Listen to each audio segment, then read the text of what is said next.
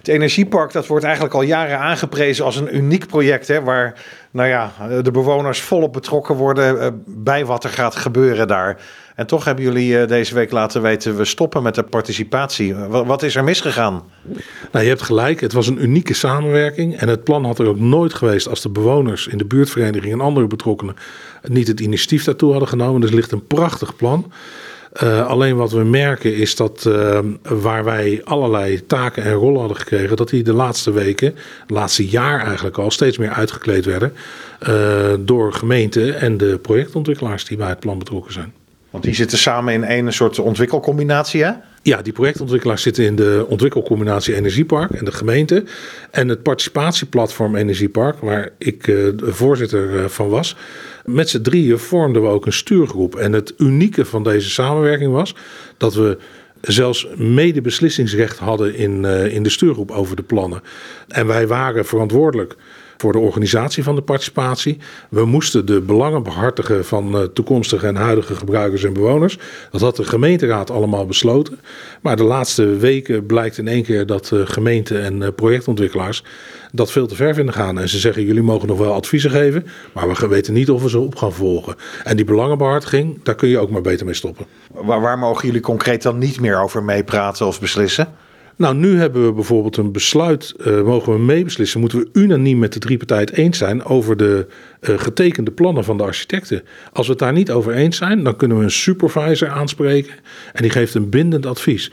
En je ziet dat er uh, de laatste jaar op een heleboel plannen in de uitwerking veranderingen werden doorgevoerd door projectontwikkelaar.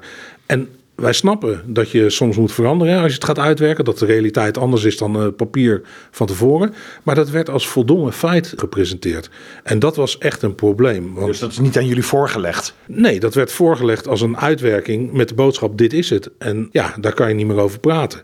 En wij denken dat daardoor het plan slechter wordt, dat het minder inclusief wordt, hè, de sociale veiligheid in het gering wordt en ook de diversiteit die daar uh, beoogd was in het energiepark van de verschillende soorten bewoners en uh, woningen die er zouden komen, dat dat echt uh, minder is geworden.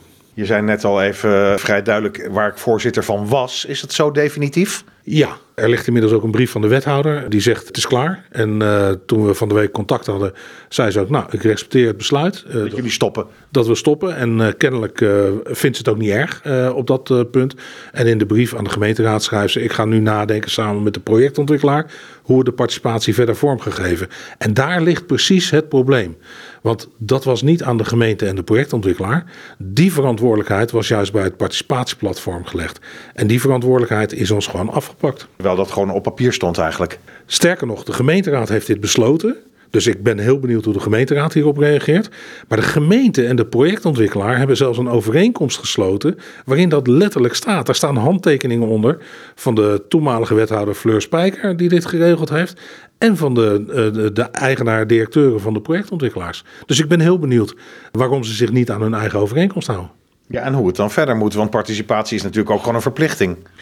Ja, maar Leiden is daar uh, toch wat armoedig in. Hè? Uh, je kunt de krant niet openslaan of er is weer een bewonersgroep of iemand anders die klaagt over de participatie.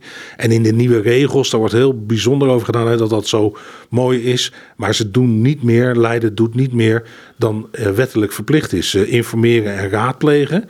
Terwijl we hier juist zagen dat we aan het co-creëren waren. We waren samen plannen aan het maken. En dat heeft ook geleid tot een enorme acceptatie. Dus je hebt geen stukken gevonden over bewoners of andere betrokkenen die het niet eens waren met wat er in het energiepark gebeurde. Dus dat gooit de gemeente nu allemaal weg. Dat gaat nu veranderen, dat voorspel je zo.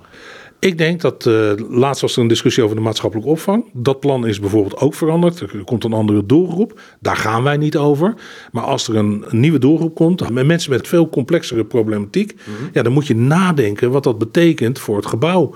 Hoe je voorkomt dat er overlast in de toekomst komt. En hoe je voorkomt dat de acceptatie die in de buurt heel erg hoog is voor die maatschappelijke opvang, dat die uh, verdwijnt en uh, minder wordt. Want uh, niemand is tegen die maatschappelijke opvang daar. En dat is echt heel bijzonder. We gaan daar makkelijk aan voorbij. Maar die maatschappelijke opvang hoort gewoon bij uh, het energiepark.